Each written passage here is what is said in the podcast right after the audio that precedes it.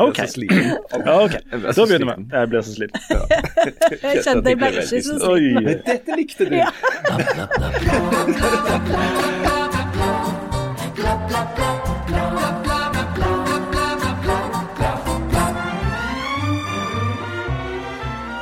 Det har vært en dramatisk påske for mange. Janne, Harald, Odd Roger Enoksen og selvfølgelig for Jesus. Men snart er det sommer, og det betyr at alle må bli ingeniør. Dessuten er det krig og lønnsforhandlinger både for meg og deg, og ikke minst for Erling Braut Haaland.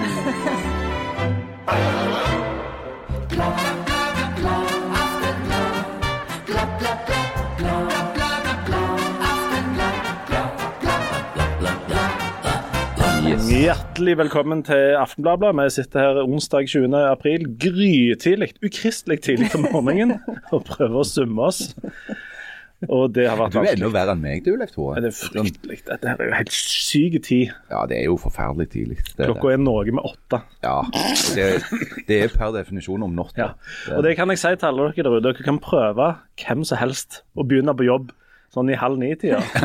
Det er ikke for folk. Det er brutalt. Det er helt det er det. vilt, altså. Det er brutalt. Og her har vi med oss uh, Jan Sahl, selveste påskelammet. Hjertelig velkommen. Harald Birkevold, eh, vår egen Barabas. Ja, sjalabais. Ja, og Janne Stigen Drangsholt eh, Maria. Både Magdalena og hun vanlige Maria. Jeg synes det var veldig kjekt å, å være tilbake. Jeg savner dere, alle som en. Det skal vi få gjort noe med. Jeg vil ta opp en ting med deg, og det er Hva er det åttende bud? Det er vel at du skal ikke lyge, kanskje, da? Eller? Det er at du ikke skal lyge.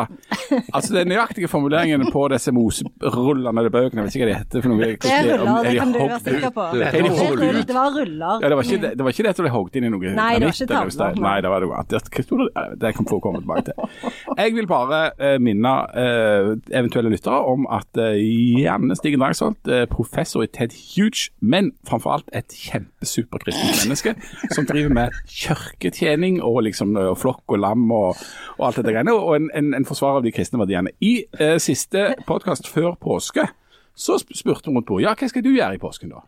Jo da, da sier Janne Stigen Drangsholt ja, liksom, ja, du skal ikke reise noen plass. Du skal ikke Oh, nei, nei, nei. Hun skulle bare putle rundt i hagen på Sandnes. Det sa hun. Hvordan definerer du hagen? Og dette har vi Leif- Så kommer påsken, og så legger hun ut på Instagram all slags skrytebilder. ifra Eh, Nei, jeg sendte det til dere, bare. Ja, Ifra haven. Nei, det var bilde på din egen Instagram. Ja, OK, det var sant. Ja, det var sant, ja. ja ifra hvilken hage? Ifra Roma! Ja, en slags gård, vil jeg mer si. Ja. Og da har du altså brutt det åttende bud, og da er spørsmålet mitt kan du fortsette som kirketjener? Nei, altså eh, Nei. På siste gudstjeneste så ble jeg jo Jeg vet ikke om det er nedgradering eller oppgradering, eh, men da var jeg jo klokker, så jeg regner med at det var en direkte konsekvens. Det er nedgradering. Ja. Det kan jeg bare si med en gang. Det er ikke noe opprykk. Nei, det var Jeg trodde stress. klokka var litt sånn høyt på strå, jeg. Er det ikke det? Nei. Nå prøver hun å snakke vekk dette Ja. temaet. Er det lov å lyge? Er det greit å lyge? Er lyging noe du holder på med Jeg vet alltid? ikke, eller ja, men Er du en jeg- lystløgner, eller er det bare Nei, det er ikke akkurat jeg er lystløgner, men jeg ble, hvis du husker til den sendingen som vi hadde før påske, så var jeg veldig sliten. Du var det. Eh, og jeg var Ja, veldig den redd. sendingen.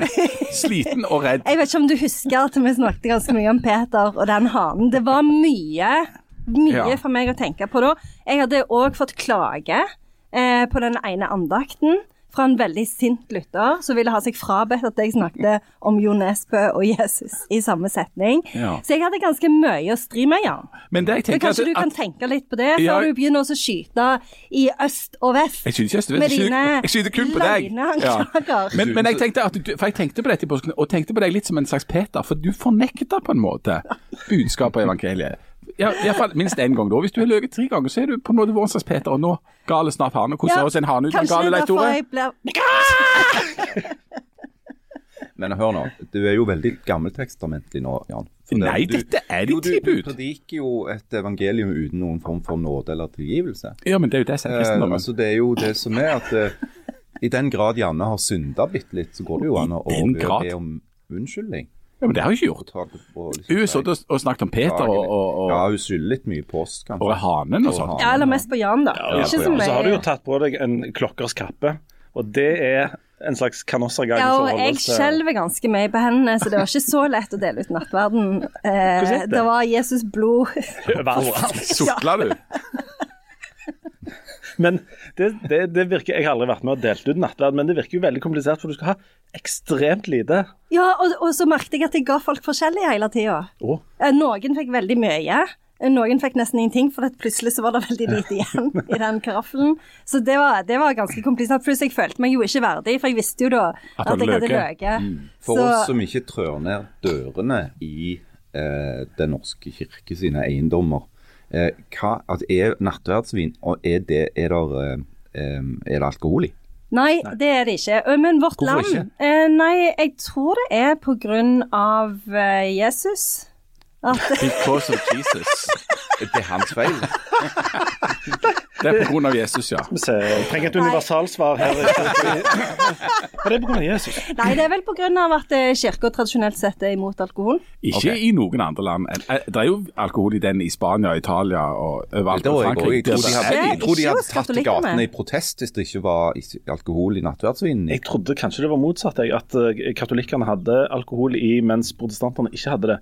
Men dette, eh, våre kjære lyttere i vårt land, kan dere ta Ja. og sende oss en e-post på bladblad.aftenblad.no og finne ut av dette, sånn at vi får klarhet i dette med alkohol i nattverdsvin. Fordi at det er det nok òg mange av oss som er interessert i på den ene eller den andre måten, om Ja. det er faktisk. Og Vårt Land hadde jo en sånn en uh, vintest før påske, hvor de, de. testa hva som var den beste nattverdsvinen. Ja. Det syns jeg eh, var et veldig bra Jeg så det bare på eh, Facebook, men da tenkte jo jeg at dette var ordentlig vin. Men de satt der og sammenligna forskjellige typer Ja, for det er sånne vin. små eh, ha- eh, halvflasker. Snakker meg om meningsløse jobb.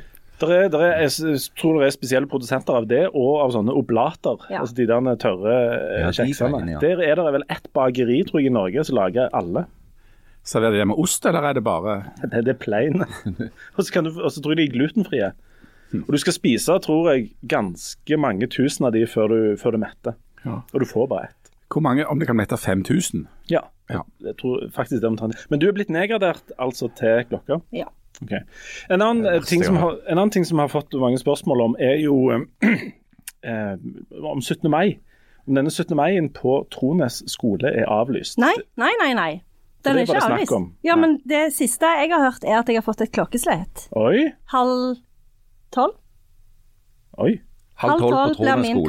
ka- tale på Der er det du det skjer. Ja, og jeg har ikke fått noe melding om at det ikke blir dugnad eller noe sånt, så det er litt av et puslespill. Og Når må du være på ruten for å holde den hovedtalen? Ja, når var det? Eh, er det klokka to, kanskje? Det må jeg sjekke opp. Ja, så Folk som vil ha med seg begge deler, de har, De har å komme seg til det. ruten? De kan jo spise lunsj. eh, Det er mitt eh, tips å spise lunsj i mellomtida. Ja, ja, det eller blir sånn sånn en fest. så de. Ja. Ja, eller, Det eller så blir kan litt av en fest, da. Ja, men det folk kan gjøre da, er at de kan springe der på ruten hver det halv tolv, eller du kan være der helt til sånn halv to-tida, og så kan de springe opp på Trones, og så er de der klokka to. Nei, nei, nei. Nei, omvendt. Nei.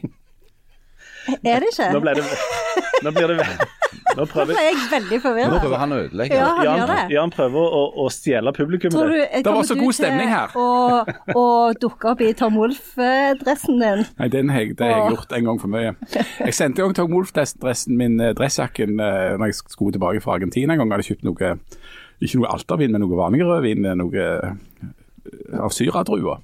Og så ble det noen komplikasjoner der, så den eksploderte over Tom Wolff-dressen.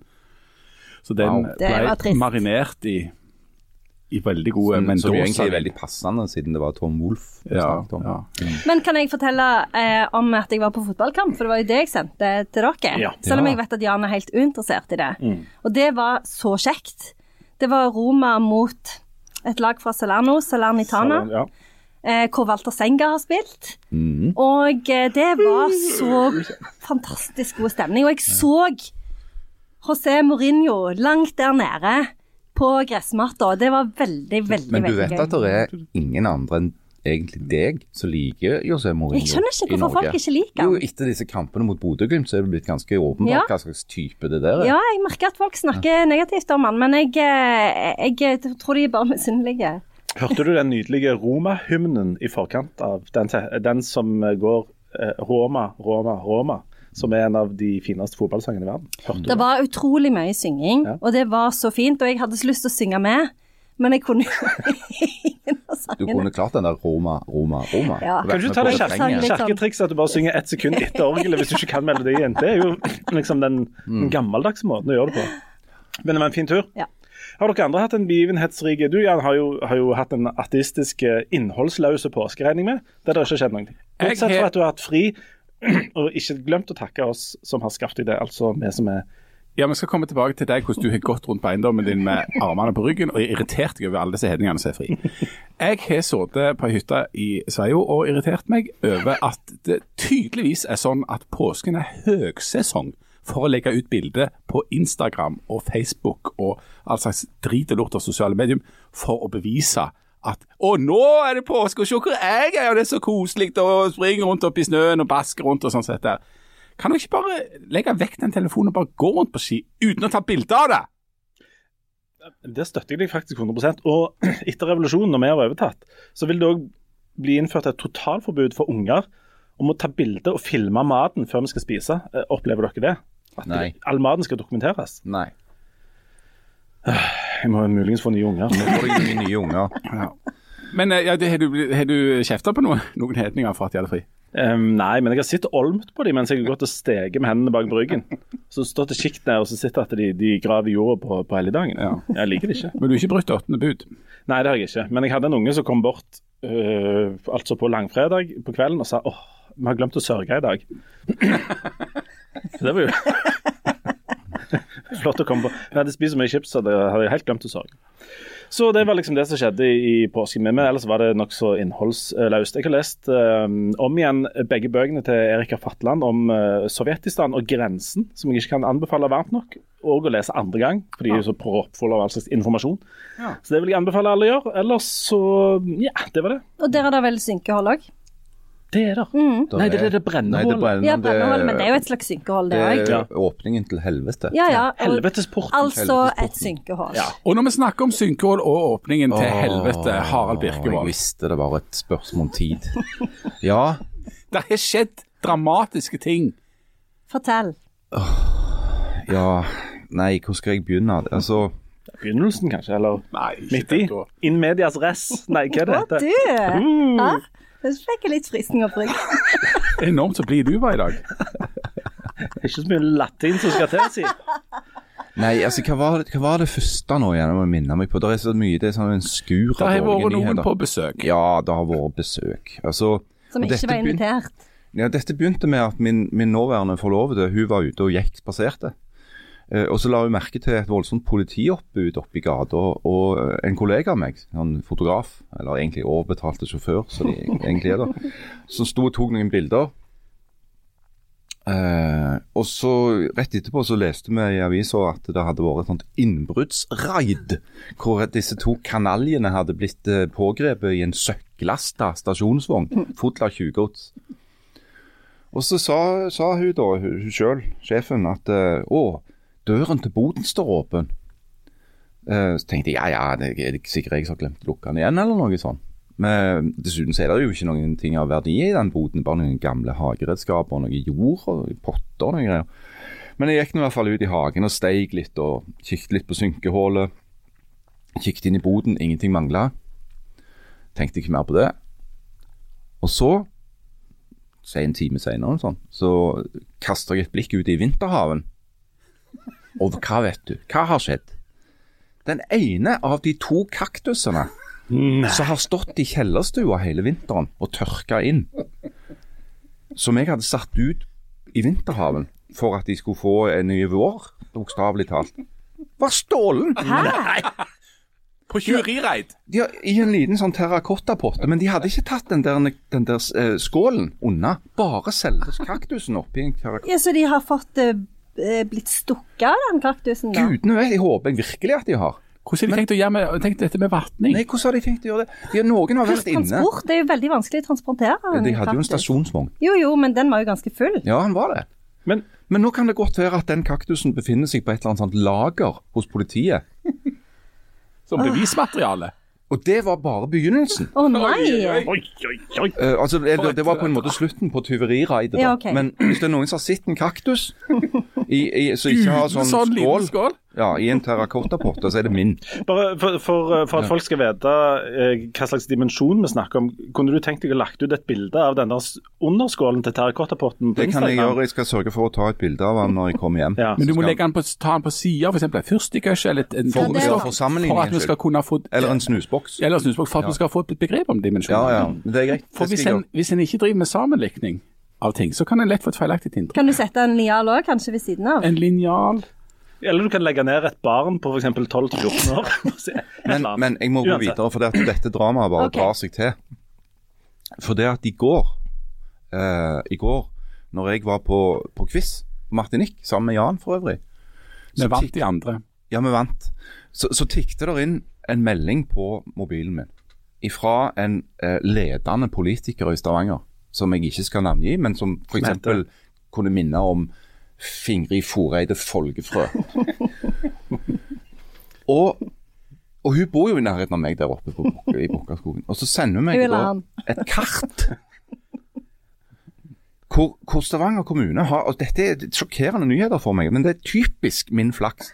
Det er et kart som Stavanger kommune har lagd for oss å se hva som kan skje hvis det blir sånn ekstremvær i framtiden.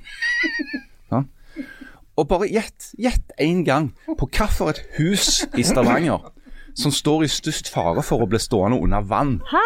Som et basseng. Ja, Som en slags form for en, en slags myr. Vent litt, kan vi få et hint? La meg si det kan være hjemme hos meg. Nei. Men Harald, er det fordi at det er ei grop? Det er jo derfor det er et synkehull der. Så Jeg har jo det er prøvd å si faktisk en hele veien, grop. Det er et synkehull, har jeg sagt. Gang på gang. Jeg blir latterliggjort. Sant? Men fanden tute meg. Altså, bare nå det- har jeg kart som beviser dette her. Det er bare starten på et 50-metersbasseng i alle retninger. Ja. Men det er klart at dette her, altså det er jo en slags, i og med at dette ikke bare er en podkast om, eh, om religiøsitet og, og trivia, så er det jo et slags alvorlig bakteppe her. Ja, det Ja, er jeg jo har Og det er jo Ja. dette med ekstremvær. Ja, ja, det norske byer, du, Alle har jo snakket om dette med eh, Kjipt for de som har strandtomt i dag. sant? Mm. Ha-ha-ha, for de blir liggende under vann.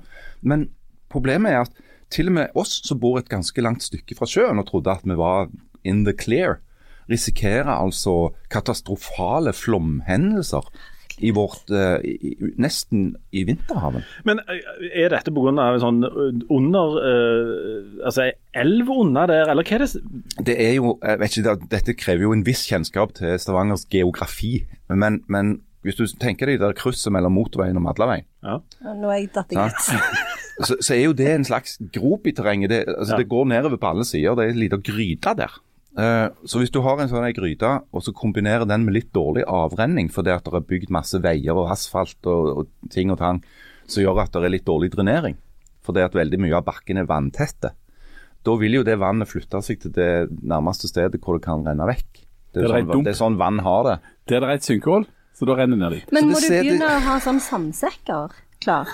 Jeg, ja, altså jeg må jo sannsynligvis det. Jeg må ha sandsekk. Teip og hermetikk Jeg må ha en jæklig sånn en, sånn en eh, generator, sånn en pumpe. Ja, det må du jo ha. Ja.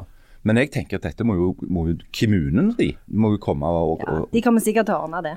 Ja, ja, stol på kommunen. Ja, det, men det er, er du, det er derfor du har valgt å kjøpe deg en litt stor villa med en litt stor eiendom oppe på en fjelltopp. Ja, for det ligger jo litt høyt. For da renner det fint ned til, Ja. til plebsen der nede. Du får strandtomt om en 30-40 år. Du. Ja, ja, det. det er helt Ja. riktig. Jeg tror det huset kommer til å ligge veldig fint til. Ja, for at jeg så jo på nyhetene i går at det kommer jo ikke til å øke sånn likt over hele jorda. Nei. Det er ikke sånn når de sier at havet stiger to centimeter, så er det to centimeter overalt. Noen, ganger, noen steder kommer du til å stige mye mer enn det. Altså dette, i hvert fall, så, så skjer det ting hele veien. Det siste nå var at hun sjøl sa at den ene, en, det er en dør som begynte å henge litt i andre etasje. Det er jo den Ja, hun hun kviska jo til meg at parketten begynte å sprike. Oi. Han gjør jo ikke det, da. Men altså, det, Jeg syns grunnmuren hos dere at den ser sprekket ut. ikke si det engang. Jeg så for jeg tenkte om det var etter siste flom, for det at det, at det er et sånn fuktmerke som beveger seg litt sånn oppover veggen. Men jeg trodde det var bare Sånn høyvannsmerke. Altså. Ja. ja. Nei, uff a meg. Og du vet grensa mellom shabby chic og saltutslag, den er bare helt sånn akademiske. Det, det Men nå skal jeg ha ei ukes ferie i utlandet, og så når jeg kommer tilbake igjen, så kan det jo være at det står under vann alt. Hvis noen i neste uke ser at huset til Harald er i ferd med å skli ut i det krysset i Madlaveien, så må dere eh, ta bilde av det og sende til han. Og bare nota bene, dere kaktusmennesker. Det er ikke sånn at huset står tomt fordi om jeg er vekke i ei uke. Det er folk der. Hva er det du skal, Harald? Hæ? Hva er det du skal? Skal til Spania. Hvor du var i Spania? Eh, litt forskjellige plasser fordi at jeg skal ha en bil. Sånn at eh, vi skal fly til Barcelona. Det gjør vi om eh, ca. 3,5 timer fra nå. Og så skal vi leie en bil. Og så oh, Ja, det var glemte jeg å si. For, eller det glemte jeg ikke, for det er nå jeg skulle si det. Men jeg skulle leie bil. Og så ja, altså, gjorde jeg sånn som du gjør. Du gikk på nettet, fant leiebiler.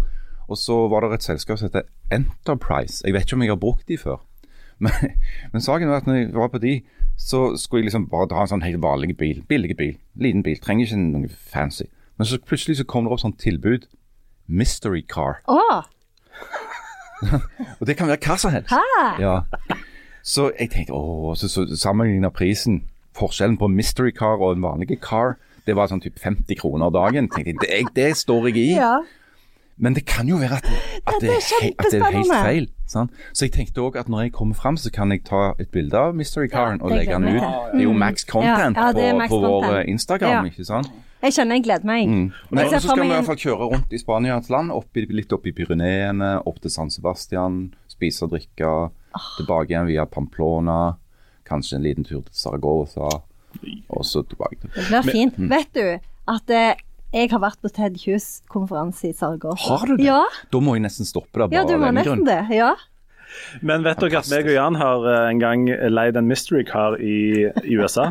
På en jobbtur vi var på. Det var en kul bil, Vi for jeg var på den samme turen. Ja, vi kom på, på en sånn bilutleie, og så var det ei Er det lov eh, Altså, hun, hun, var, um, hun hadde ikke utseende mot seg, hun dama som sto der. Og så, og så sa hun at de hadde nettopp fått inn uh, en ny bil som alle ville ha. Og det var den samme bilen som han der sjefen i Transformers-filmen var. Så står meg og Jan der som begge driter 110 i, i biler, Transformers, alt mulig. Men hun klarte altså å lure oss ut, og så tenkte vi ikke, ja, Nå har vi en ny redaktør. Bedriften betaler uansett. Så drit i. Så vi oppgraderte, og så fikk vi en eller annen sånn Husker du hva han hette? Det er jo pinlig. Jeg mener det var en Ford Mustang. Nei, det var ikke en Ford ikke Mustang. Jeg tror det var en Dodge Charger. Ja, det var det. Han brukte Vi måtte i hvert fall Steve. McQueen hadde sånn Ja. bil. Og vi ut der og, og skulle gi han, så viste det seg jo at det var det var jo stort sett, Fartsgrensen var stort sett 50 der vi skulle kjøre. Og så var det kabriolet, men vi klarte ikke å få av taket engang. Idioter. Jeg hadde en akkurat tilsvarende opplevelse en gang jeg fløy til Los Angeles. Uh, men jeg skulle ikke til Los Los Angeles, jeg skulle til Las Vegas. Og så hadde jeg på forhånd bestilt, som jeg alltid gjør, nesten, en såkalt fornuftig bil. En helt vanlig bil. Og så kom jeg der, og så spør han duden hos Hertz Ja, ja, bare sånn så de gjør sånn small talk, og du skal hen da, ikke sant? Så sier jeg det, jeg skal til Las Vegas. Og så bare ser han på meg, da skal du ikke ha den bilen. Da skal du ha den bilen, sa han. Så pekte han ut vinduet på en spyfluegrønne Chevrolet Camaro. Eh, som jo er en sånn amerikansk muskelbil. Så sier han vi akkurat fått han inn. Var, de, de, de, de satte han bokstavelig talt akkurat fra seg ut forbi. Han er helt splitter nye. Det, og det var sånn at det var plastikk på setene ennå, sånn, så de måtte først gå ut og ta av alt det greiene der og gjøre han klar, fylle bensin på han og sånn. Så jeg var det første mennesket som kjørte den bilen uh, ut av Los Angeles sammen med en uh, herværende redaktør i en konkurrerende avis uh, som, som heter Bjørn Sæbø. Så vi kjørte av gårde Los, fra Los Angeles mot Las Vegas i dette her udyret, og den var helt splitter ny. Den modellen hadde akkurat kommet. Og Da viste det seg hvor mange amerikanere som er skikkelig sånn bilinteresserte. For det at folk tuta på oss. De blinkte og tuta. Og når vi stoppet for å fylle bensin, så kom det ikke én, men mange folk bort og spurte om det var greit at de tok bilde av bilen og sto med sidene akkurat som det var deres bil. Og, eh, og når vi kom fram til, til Las Vegas, til det der forferdelige hotellet vi bodde på, som hadde en kopi av Eiffeltårnet ut forbi, så slåss de der, de der parkeringsvaktene om å få lov å parkere den for oss. Kult. Til alle som tune inn på denne podkasten for å få det siste innenfor politisk analyse, samfunnsoppdatering og sånt. Der så er det bare å beklage. Ja, det er bare å beklage. det sklei litt ut, men det er litt lenge siden vi har snakket nå, så Ja, men vi har ikke sett på hverandre så lenge. I tillegg så var det jo Nei, veldig, veldig lang påske. tillegg, Ja, det var en veldig dramatisk påske. Vi hadde jo både det med den kaktusfatet og Ja, ja. alt mulig. Det er så mye som har skjedd. Ja. Men uh, vi tar en liten pause, og så når vi kommer tilbake igjen, da uh, skal vi Da se om vi kan finne det skikkelig greier. Altså. et eh, tema med mindre det er mer denne typen røde radel. Vi beklager, og er snart tilbake.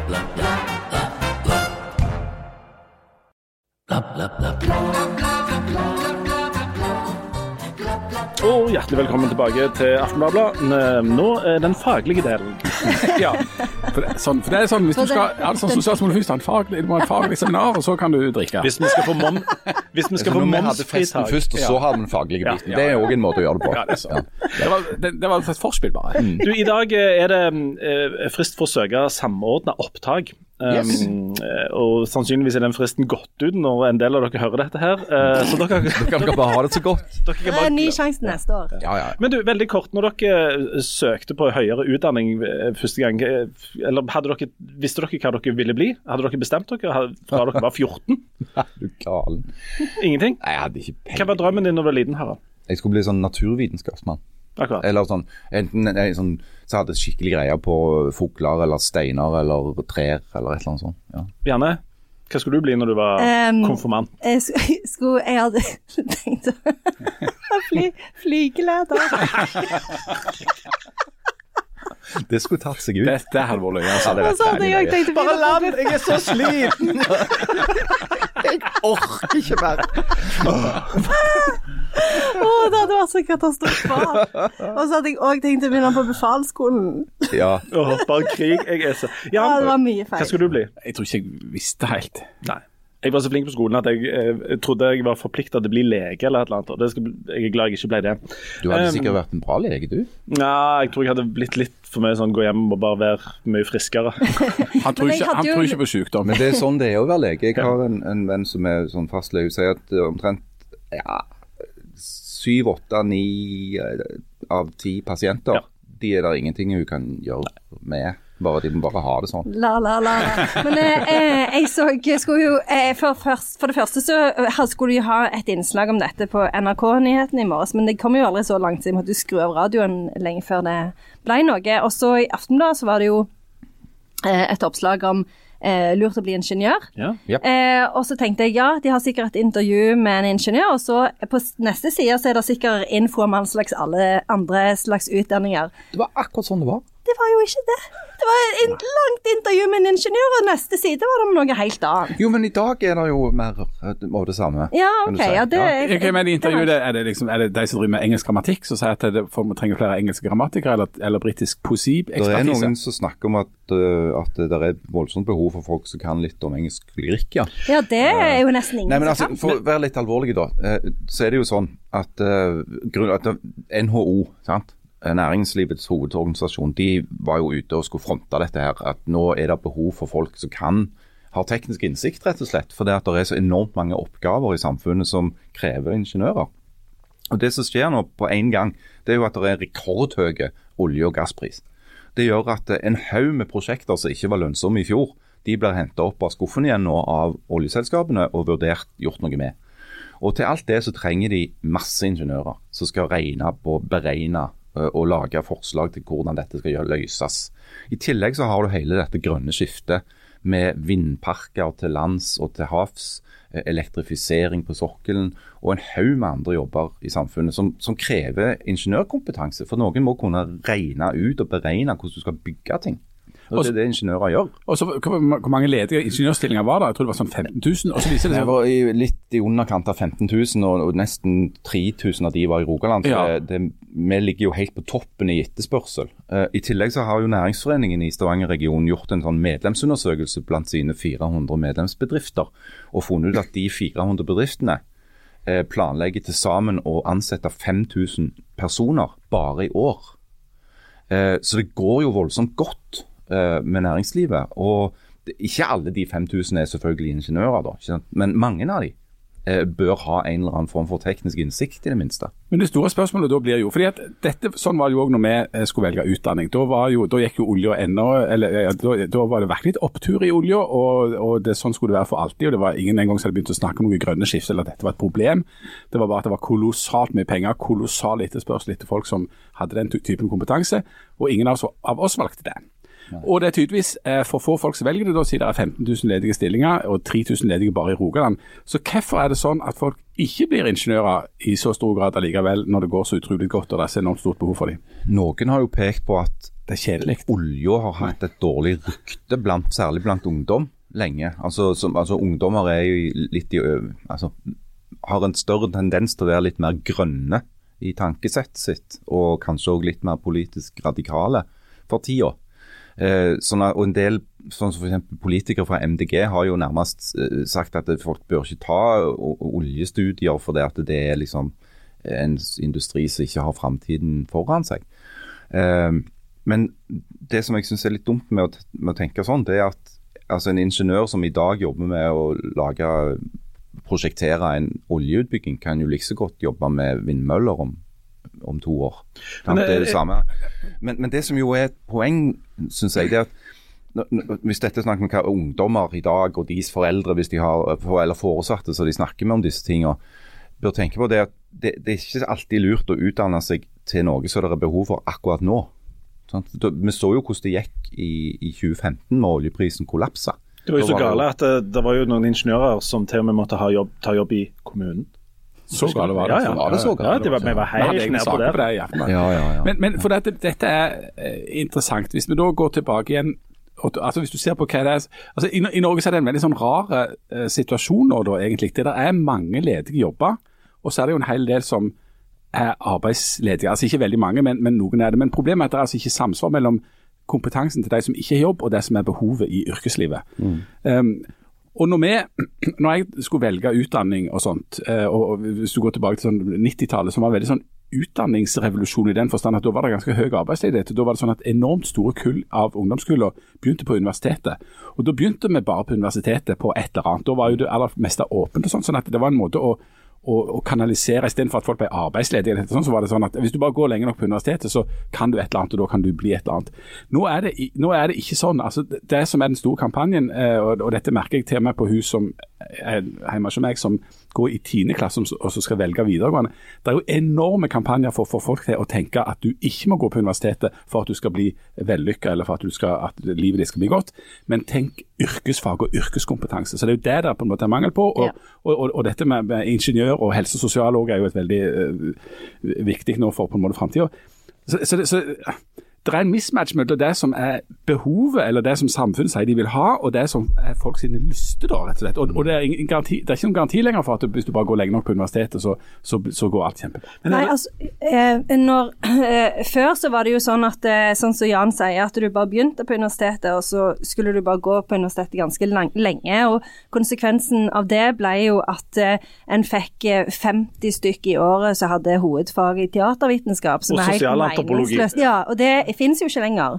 Teatervitenskap master, jeg tror ikke det eksisterer lenger i det hele tatt. Så det er jo eh, et problem at før så var det sånn at du lagde en grad, eh, eh, det som heter bachelor nå, og så tok du et hovedfag på toppen av det. Og så ble det jo egentlig ingenting. Nå er det jo mye mer sånn at utdanningene er eh, laga som profesjonsstudier. sånn at f.eks. hvis du tar engelsk, da, som jo jeg underviser i, så blir du som regel lærer. Da tar du lektorutdanning ofte.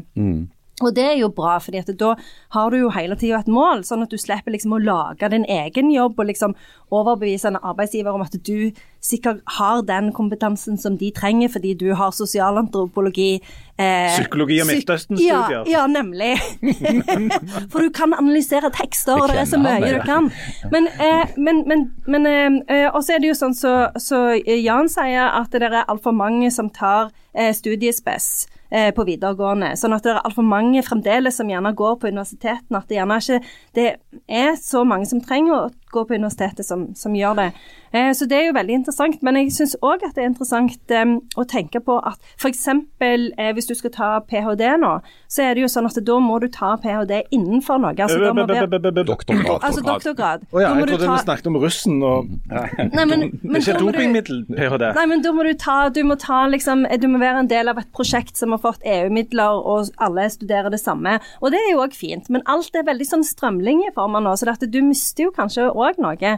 Sånn som for eksempel jeg tror ikke jeg hadde fått eh, doktorgradsstipend i dag, fordi at det var jo eh, En har jo fremdeles noen sånne åpne stipend hvor du kan søke med et utarbeidet prosjekt som bare er ditt, men det blir færre og færre og færre. Alt blir veldig sånn strømlinjeforma.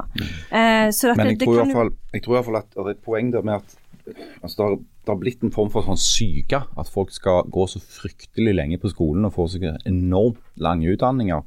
Um, der er, som Jan var inne på, så er det et skrikende behov for folk som har tatt en mer praktisk retta utdannelse, et yrkesfag.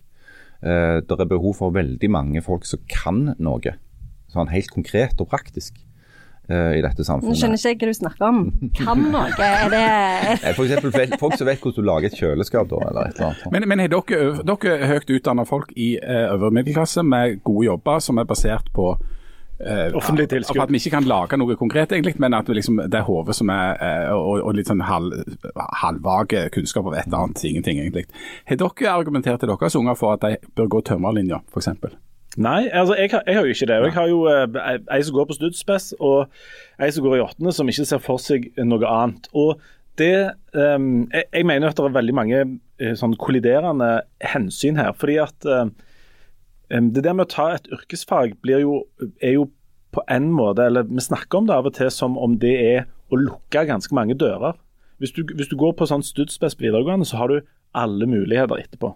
Um, og jeg syns det er vrient å anbefale noen å ta et yrkesfag når de ikke har den ringeste aning om hva de vil gjøre.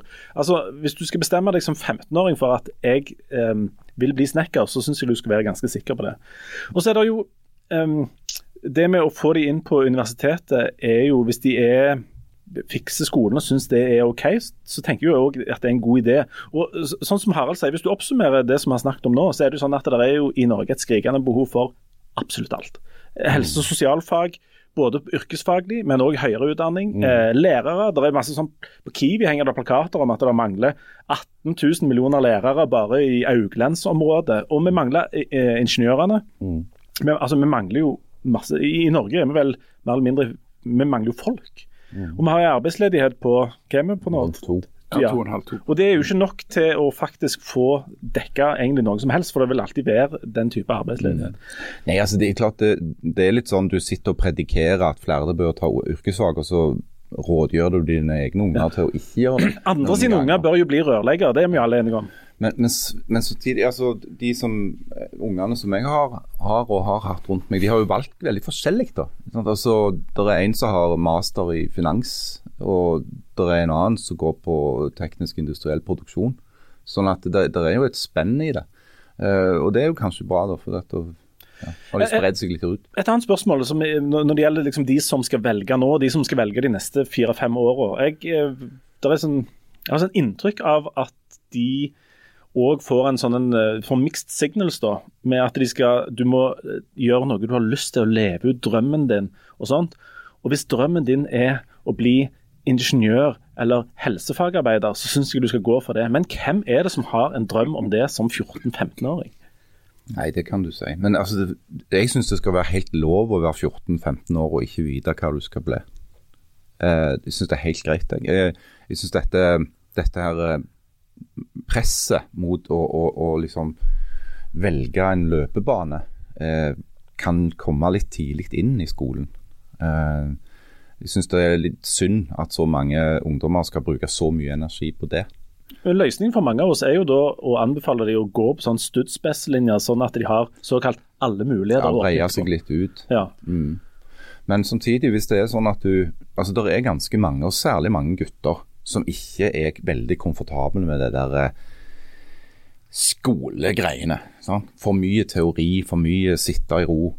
Eh, og som vil ha mye større utbytte av å velge en annen et annet løp enn et løp som begynner med tolv års grunnskole, videregående skole, og etterpå seks år med universitets- eller høyskolestudier. Det er lenge, altså. Det er 18 år, det.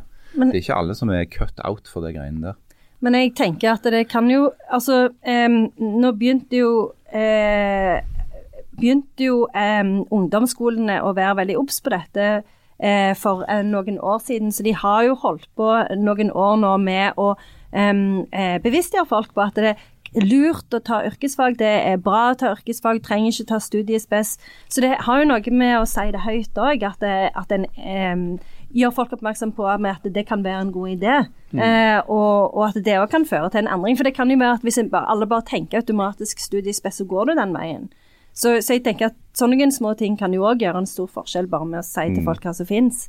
Ja, Men, men, jeg, merker bare det samme som altså, dere var innom nå. Altså at eh, Nettopp fordi at det, det, jeg synes det er, eh, er komplisert å forvente at en 15-åring skal vite nøyaktig hva du skal bli, og når du vet liksom de der åpningene som ligger der, eller, at du på en måte utsetter problemet. For det var det jeg selv gjorde når du spør hva jeg Jeg visste jo ikke hva jeg ville bli, men jeg var skoleflinke.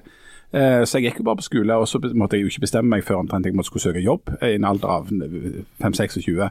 Og det er litt sånn halvtilfeldig at jeg endte opp med å bli der jeg ble. Men, men eh, når vi var ferdig utdannet, eller mot slutten av, av utdanninga, så satt vi jo med våre eh, kommende hovedfag i sammenlignende pol- politikk og prøvde å finne ut hva det faktisk var vi kunne for noe. For det visste vi jo ikke helt. Så vi hadde sånn, vi, vi, åt vafler og drakk kaffe på det akademiske, akademiske kvarteret i, i Bergen, og så var det sånn, hva kan vi? Og det nærmeste jeg kom et svar var at jeg, var, at, vi var, at jeg hadde lært meg å forholde meg til store mengder informasjon på en analytisk måte. Det er ikke det, det de kaller for. Dunning-Krüger. Jeg vet ikke hva det er. Det, det er den der grafen som viser altså I begynnelsen, når du ikke vet noe særlig om noen ting, så har du voldsomt høy selvtillit. Ja. Du kan uttale deg med stor pondus om ting du ikke har greie på. Og så tar du utdannelse, og så blir du mer og mer usikker Ja. eh, jo mer du vet. Jo, mer, eh, jo, jo mindre du vet, jo mer skråsikker blir du. Og Hvis du ikke vet hva du skal bli, så går det an å anbefale å bli eh, fotballspiller, f.eks. For Ja. eksempel, bli Erling Braut Haaland. Fordi at det, det, Da er alle dine økonomiske eh, sorger slukket. ja, det er fett å være rørlegger, eh, men å være Erling Braut Haaland Din sambygding, Jan, eh, han kan altså tjene seks millioner i uka hvis han eh, signerer, når han signerer for en av de storklubbene. Og det er jo penger, det òg. Det er jo ikke Han, noe annet han, sitter, han signerer jo for dette mirakelset som kaller seg for Manchester City. Ja. Og Jeg holder med Liverpool, bare så det er ja, ja, ja, ja. notert. Men, men kan, hvordan kan du få brukt 5,7 millioner i VK? Det var det jeg òg lurte på. Jeg har hørt noen bra sånne fotballhistorier fra norske uh, gutter som har blitt proffer i England. Uh, jeg husker ikke helt hvem det var. Kan det ha vært Morten Gams Pedersen som på et tidspunkt oppdaget at han tjente nå så enormt mye penger at han f.eks. slutta å vaske undertøy. Altså, Bare heiv det. Boksere, f.eks. Det var ingen grunn til å vaske det, han bare kjøpte nye, og så bare heiv han det.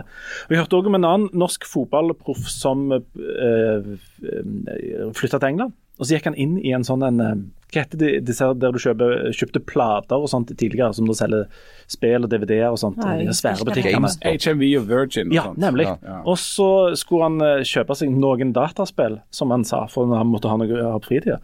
Og så hadde han sjekket kontoen før, og så kunne han bare gå inn der og så sa han han skulle ha ett av alle. Ja. Så sånn kan du bruke penger.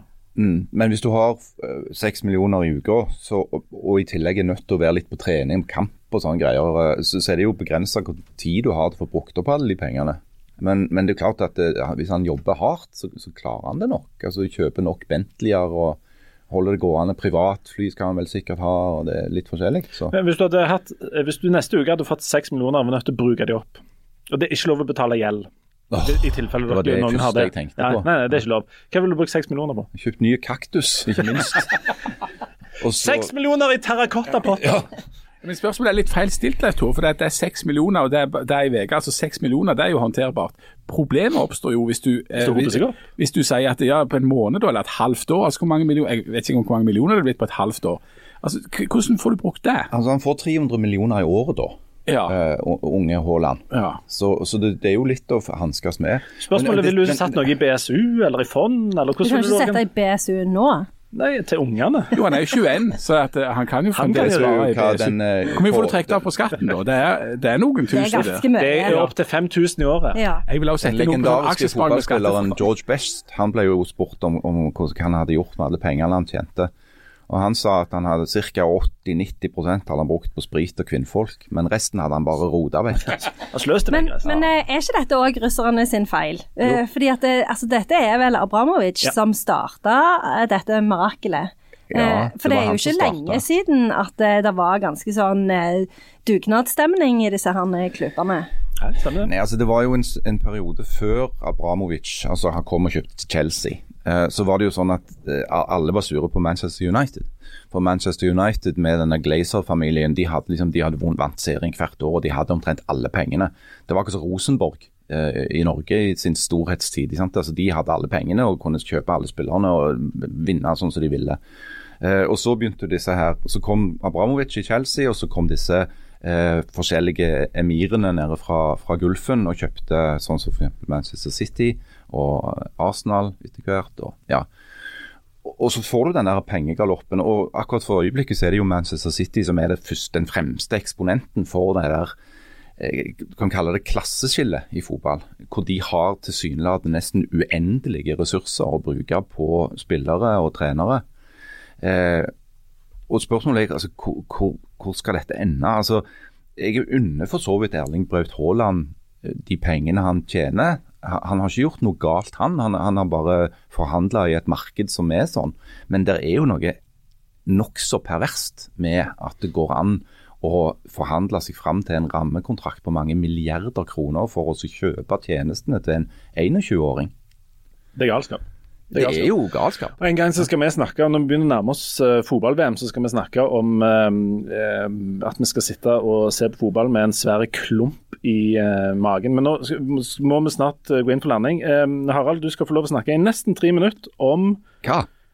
Um, Kan jeg bare si én Ja. ting til? For jeg så jo òg at det, eh, kvinnelaget til Arsenal og Chelsea, var det vel, spilte på en slags sånn nabolagsstadion eh, forrige uke. Så det òg er jo litt spennende. Men kvinnefotball har begynt å ta seg Det skikkelig har begynt å ta seg skikkelig opp, Barcelona men- for eksempel, sitt kvinnelag hadde, hva var Ja. det? De hadde 70 000 tilskuere. Ja, og i Frankrike òg. Men, ja. men sånn som i Italia, så har de jo ikke Nei, engang men det er og- ting som skjer Ja, og jeg så jo òg at Brann og hvem var det, Brann og Rosenborg. Rosenborg, det er òg. En eller annen slags eh, Masse folk, men det er òg en eller annen slags nabolags... Hvis de bare nå blir litt bedre til å eh, spille fotball, så skal du se at Oi, eh, oi, ja. oi. Nå tror jeg du skal få lov å snakke tre minutter om noe helt annet. Du skal få lov å snakke tre minutter om hva, nesten tre minutter om hva som skal til. Altså, Hvor gale skal det bli i Ukraina før eh, vestlige land eh, griper inn militært? Oi, det er Forferdelig vanskelig spørsmål. Du kan vel For å svare alvorlig på det, så kan du vel si at vestlige land, Vesten med stor, stor V, eh, griper jo allerede inn militært. Eh, I går eh, kveld ble det jo kjent at eh, USA har gitt i, I begynnelsen så var det en melding om at USA hadde gitt fly til Ukraina, men det var ikke helt presist. De, de har gitt reservedeler og teknisk støtte og support for å holde de flyene de har på vingene. I tillegg så hadde jo Polen sin eh, president eh, lovt at eh, Ukraina kunne få en del eh, fly fra Polen som ukrainske eh, piloter kan fly. Og I begynnelsen så sa USA nei til det, for de var redd at det ville føre til en eskalering av konflikten. At det kunne spre seg utover Ukraina sine grenser. Men nå skal USA visstnok ha sagt ja.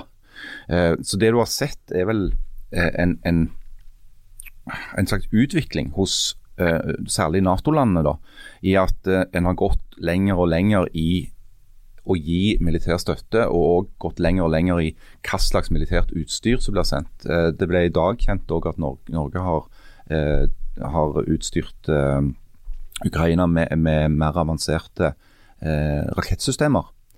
Eh, og jeg tror nok du vil se mer av det nå. For det, det som skjer, er at eh, Russland etter den første mislykka forsøket på liksom å ta hele Ukraina i en slags lynoperasjon, har trukket tilbake styrkene sine fra de nordlige delene, altså rundt Kiev og Kharkiv, og konsentrert eh, innsatsen sin om denne Donbas-regionen. Eh, og der de legger opp til et, eh, en annen taktikk som vil kunne føre til at denne konflikten varer veldig lenge. Eh, med veldig mye artilleri, bombing, eh, luftangrep og sånn, for å så mykne opp disse områdene som de ønsker å dominere. Eh, samtidig så vet vi, og det har vi jo lært, at Ukraina er langt ifra en enkel motstander. De har mye utstyr, og de er veldig motivert for å yte motstand. Sånn at det vil være behov for påfyll av militært utstyr inn i Ukraina i lang tid eh, fremover. Det ble helt deprimert. Ja. Denne krigen er Det, er- det går ikke an å ha jingle på det. Nei. Nei, det går faktisk ikke an, det. Det er fryktelig. OK. um, 14 millioner ukrainere er nå på flukt fra sine hjem, eller forlatt det stedet de bodde for eh, fem uker siden. 14 millioner. over til noe helt annet, som det heter. Ja, det må vi. Ending on a high note. I går var jeg nesten på Bryan Adams-konsert. Ja, hva skjedde? det. Hvorfor ikke? Nei, fordi at uh, fotografen fikk ikke lov å komme inn, så da rekte jeg en lang finger til Brian Adams og sa jeg at uh, ha, nå får du se hvordan du takler dette. Han takler det veldig godt. Jeg tipper at han er skikkelig lei seg for at han ikke ble anmeldt i Stavanger. Ja. Men eh, jeg kom på en ting da jeg var der, og det er at Bryan Adams han er en innehaver av en av disse her tekstene som det er fort gjort å synge feil på. Der du tror at du er inne på noe, og så har du alltid hørt det feil. Så jeg tenkte jeg skulle ta eh, ti sånne uh, sanger som, er Ja. syng, som alle har sunget feil på.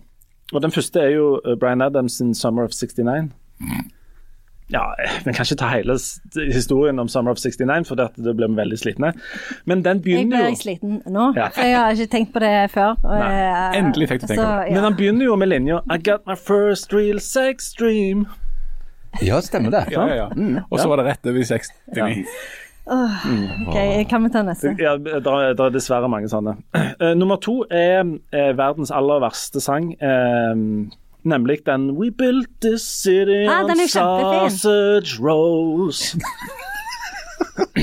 Som en veldig forferdelig sang. Eh, en hel by. Knee Deep in the Hoopla, det er jo, um, det er jo uh, tittelen på selvbiografien til hun Men å bygge en by på sausage rolls Ja, ja, er jo bare det tull. Det er litt Ja. drøyt. Ja. Ok, Nummer tre. eh, Dette er ikke et familieprogram, så vi tar den med. Det er Phil Collins uh, sin eh, flotte linje I, I can see me coming in your hair tonight. uh, unnskyld, jeg tar selvkritikk. Uh, særlig Hvor mange hadde du på Jeg har lista? ti, men alle er ikke sånn. Eh, nummer fire er Harald sin favoritt, Bob Dylan, som jo synger, synger mye om maur. Ja. Eh, These ants are my friends, they're blowing in the wind. uh, mange har jo hørt uh, feil. Nummer fem, Pink Floyd sin We Don't Need No Sex Vacation. Beklager gjerne. Og foreldrene mine vil jeg òg beklage. Nummer seks, Bon Jovi. Ja. Ooh, it doesn't really doesn't make a difference if we're, if we're naked or not. each other, that's a lot for love.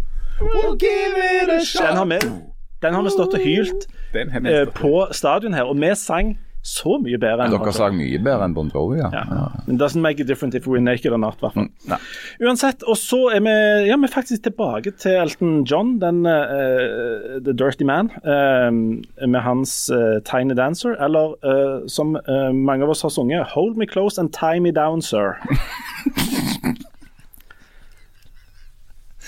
Eh, eh, nummer åtte er mye snillere. Det er The Monkees sin Then I Saw Her Face, Now I'm Gonna Leave Her.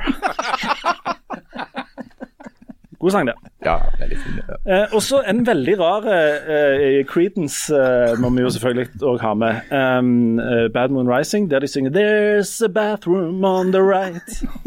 Som er veldig rare ting. Veldig rare ting. Ja. Men jeg kom på en ting med Bathroom, for det at jeg trodde lenge i den, den Police-sangen som heter 'Message in a Bottle', Ja. at det var 'Massage in the Bathroom'. Altså, disse listene er ganske lange. ja, så det var den der uh, Purple Haze. Ja. Excuse me, while I kiss this guy. ja. Veldig tolerant og fint. Ja. Jeg har en annen på nummer ti, og det er ABBA. See that girl, watch her scream, kicking the dancing queen. Eh, som ungene mine har sunget. Eh, og så har jeg to bonusspor, nå er vi egentlig ferdige. Men jeg, har, eh, jeg, jeg kom på to til, og det er Madonna. Husker dere La Isla Bonita? Ja. Oh, ja. Last night I dreamt of some bagels. Og så klassikeren fra min uh, ungdom, Uh, uh, det var den her Don't Go Jason Waterfalls. Husker du ikke den? Don't go, Jason. Waterfalls. Altså, eh, Don't Go Chasing Waterfalls. Men vi trodde at de sang med en eller annen Jason Waterfalls. Ikke gå der. Ikke gå der, Jason Waterfalls. Det er en foss, det er farlig. Ja. Don't go, Jason. Waterfalls. Veldig dramatisk. Jeg ble litt sliten sjøl, faktisk. Ja, jeg ble veldig sliten av dette her, jeg jeg òg. Jeg må bare dra til Spania nå. Ja, nå må du dra til Spania. Jan skal gå og uh, se film. Du Janne, skal prøve å komme deg inn igjen på kirketjenersporet og vekk fra klokkerens Ja, jeg vet ikke hvordan jeg skal få det til. Nei. Nei, du må skjerpe deg og ikke søle med altervinen, Ja, men ja. Nei, du må slutte å bryte de ti bud. Eller må du smiske med prosten? Eller hvordan er dette? Time will show. Time will show. Du, vi, vi tar imot eh, innspill, kjeft og, og ris. Ikke kjeft vil vi ha. Vi Nei, vi kjeft, vil vi vil bare ha ros. vi har fått ganske mange e-poster i påsken, og um, ved en inkurie så glemte vi alle sammen. Vi skal lese opp et par av de neste, neste uke. Men um, vi vil gjerne høre fra dere. Uh, send oss en e-post på bladblad.aftenblad.no. Og følg oss på Instagram. Der kommer det dramatiske bilder av både terrakottafat, mystery cars og annet snacks Det fra blir, Harald. det blir en fest. blir en En fest. audiovisuell fest. Oi, oi, oi. Hvis vi har skikkelig medvind eller motvind, alt litt sånn, så skal vi se om vi kan få Harald til å legge ut ett bilde for hver dag når han er turist i Spania. Det, kan bli Ja, det skal vi pinlig gjøre. Ja, det skal du gjøre. Det skal, det skal regne, det har jeg hørt. Ja. Ja, det, jeg, har jo Det er det, et vanvittig dårlig vær i Spania. det er tidenes værmelding i? Stavanger. Sant? Altså, det, Ja. det skal være sol, fint vær nå så, lang, så lenge værmeldingen Ja, rekker framover i Inn tid. i evigheten. Ja, inn i evigheten. Ja. Hva tror dere det skal være i Baskaland? Nei, er det sant? La lluvia, la lluvia se pone en en, País Vasco, en Donostia. Men det endrer seg jo, det. Ja, det kan bli verre. så må du ikke se på Yr, for det er sånn NRK Ay caramba. NRK-meteorologi. Men det du kan trøste deg med- Ja, men dere må slutte nå, for det at jeg må gå. The rain in Spain stays mainly on the plain. Det var fra Pygmalion. Ja. OK, ha det. Vi burde blitt ingeniør istedenfor ja. Altså, når du hører på, så er det åpenbart hva Norge ikke trenger mer av. Ja. Det er journalister som ikke engang gidder være journalister, men som blir sånn kommentatoraktige folk. Ja. Og så ei, som er blitt eier av dette klokka. Og så ei som er blitt eier av dette. tre journalister som har flytta lunsjpausen sin i studio. Det er den mest korrekte analysen jeg har hørt noen gang. Eh, Det var ganske